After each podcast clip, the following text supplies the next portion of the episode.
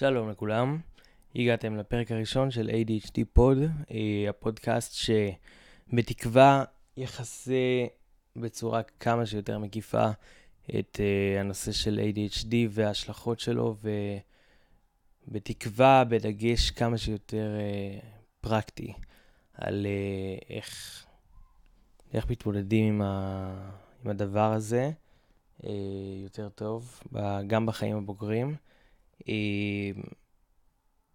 ו... ויהיה מעניין. ועכשיו אני רוצה להתחיל אה, באיזושהי אה, הצגה קצרה בעצם של, של החומרה של ההפרעה הזו, של הפרעת קשב. אה, כי משום מה, במיוחד בגלל שההפרעה הזו כל כך נפוצה בישראל, אה, או אולי אפילו חלק מהתסמינים כבר ממש מזוהים עם התרבות שלנו, הישראלי המכוער, האימפולסיביות והרעשנות כביכול. אמ, כן, אנחנו עם די שובב, אבל אה, העניין הוא שהפרעת קשב היא נתפסת כ... עניין שהוא לקות למידה בלבד, אה, או משהו שעובר עם הגיל, אבל אה, למעשה הפרעת קשב זה ממש אה, מצב תודעתי, מצב קיומי, משהו שמלווה את הבן אדם מהרגע שהוא קם בבוקר ועד שהוא הולך לישון, בכל התחומים.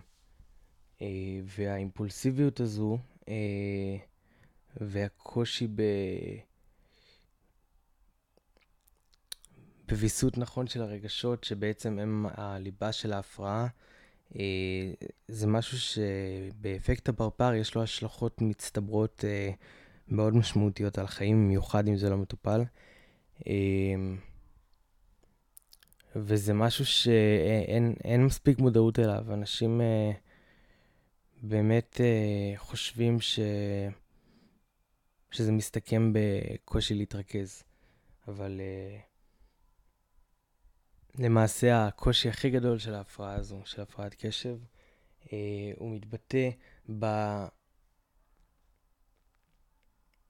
בעצם בחוסר היכולת uh, לעכב את התגובה. גם מבחינה רגשית וגם מבחינה התנהגותית.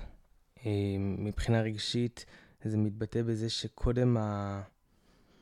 ברגע שקורה משהו, אז נניח הוא מתפרש כדחייה אה, או כביקורת, אה, אז באותה שנייה, לפני שיש איזשהו אה, תהליך של ניסיון למצוא אולי פרשנויות אחרות וכאלה, ישר הרגש עולה.